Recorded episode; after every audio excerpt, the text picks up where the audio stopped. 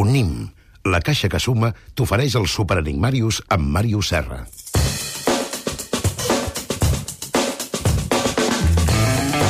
Mario Serra, molt bon dia. Bon dia bona hora, Manel. Els enigmes em diuen que cada cop són més difícils. No sé si això Certament. es reflecteix a la classificació. C certament, cada cop són més difícils. He de, Moltes queixes, eh? He de, he de respondre... El Mario s'està passant. He de confessar, he de confessar que aquesta setmana estem aplicant el grau 7 Ah. i que no hi ha més graus perquè aquest divendres serà l'últim que comptarà per la classificació general de la Lliga. I després què farem? És a dir, les dues setmanes següents tornarà la placidesa eh? i els enigmes no comptaran per la Lliga perquè ja estarem preparant la mega superfinal a 100 de l'últim divendres eh? Que farem Mm, en un lloc enigmàtic perquè aquí tenim superenigma. en un lloc enigmàtic? En no. un lloc enigmàtic. Sota la responsabilitat de Marta Cristià.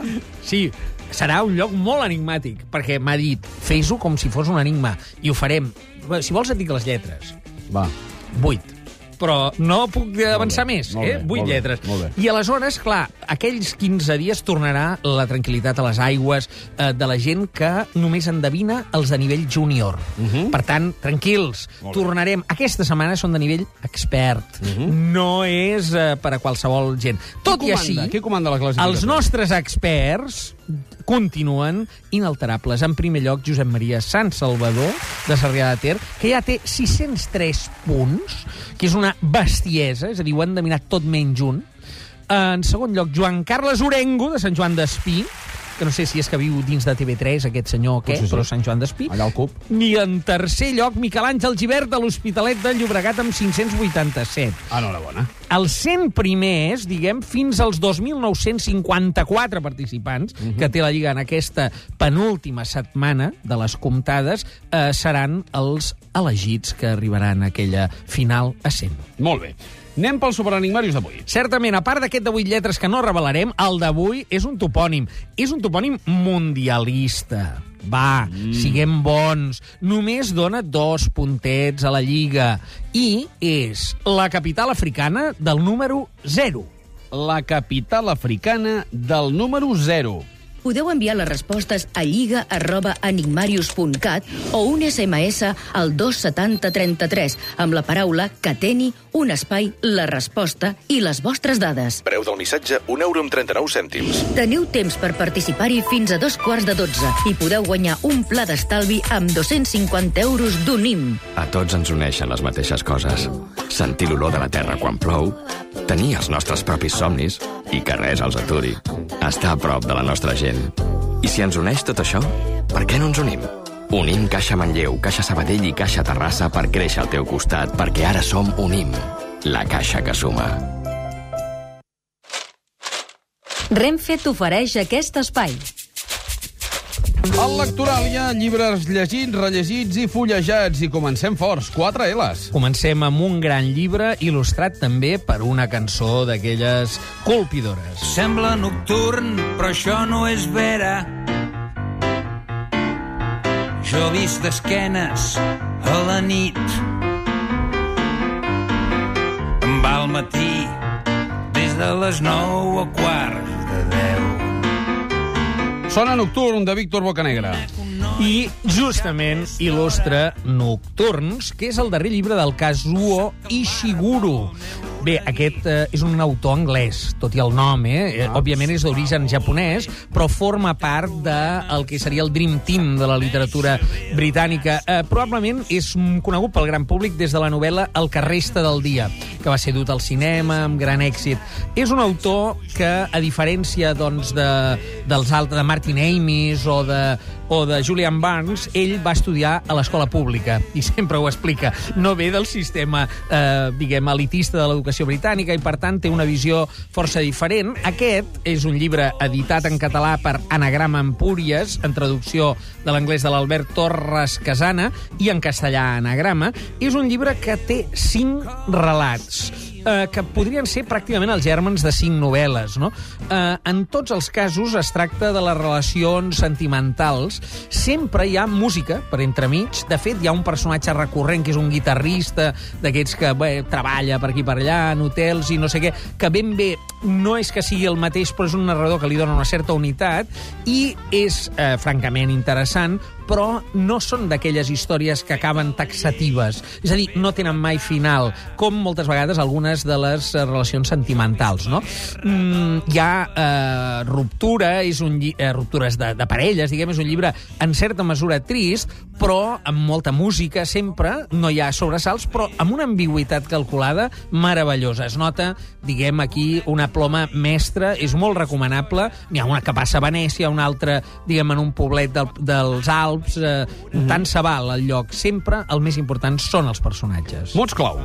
Amor i desengany, gairebé com a cara i creu de la mateixa moneda, música, ambigüitat i desarrelament. Muntanyes regalades. Les que ens canta l'Ester Formosa acompanyada del Toti Soler.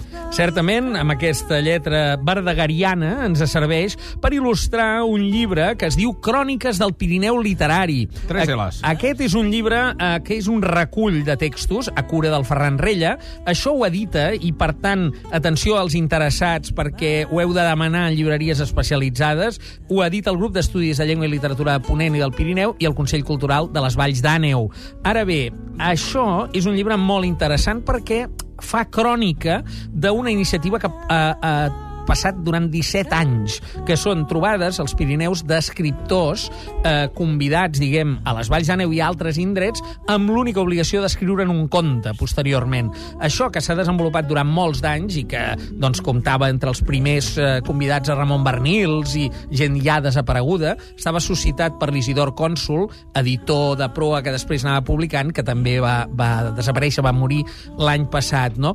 Eh, en l'entremig eh, hi ha hagut no només la literatura catalana, que, marcada per els èxits internacionals de Maria Barbal i de Jaume Cabré amb les veus de Pamano i amb eh, Pedra Tartera, conformen probablement els llibres més traduïts actualment a tota Europa, sinó que també incluïa convidats eh, i alguns anys de literatura basca, de literatura aragonesa, és a dir, en llengua aragonesa, que té un mercat reduït de 15.000 parlants, però tanmateix eh, és vigorós també, i de llengua occitana.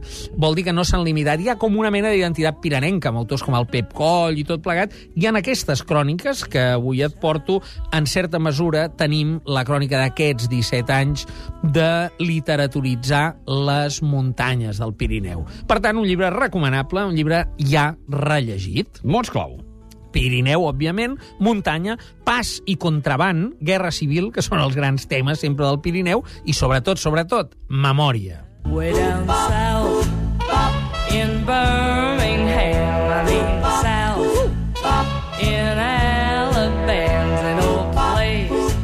clàssic, Tuxedo Junction amb Manhattan Transfer.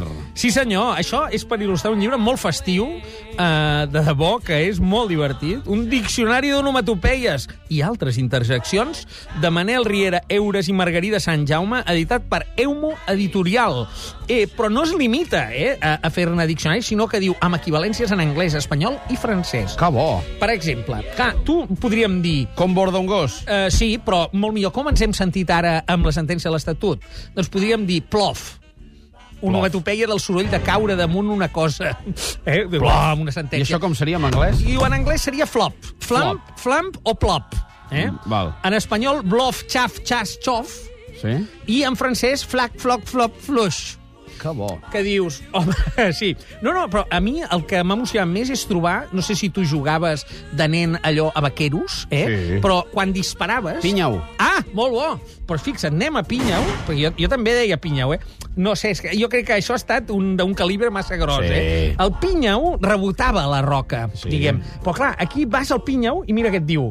Pinyau. Vegeu Panyau. Vegeu Panyau, diu, home, no pot ser, el meu dialecte dèiem Pinyau. Doncs no, i vas a Panyau i, en efecte, llavors trobarem les equivalències en altres llengües i diu Panyeu. Eh? Diu, onomatopeia del soroll que fa un tret, especialment en el llenguatge infantil. Diu, I en anglès què fa? Diu, fa bang, bang o capou. Com devem tenir el cap, quan som nens, per dir pinyau, pinyau? Pinyau, pinyau, tio. En espanyol diu que fan bang, pac o pacnyeu.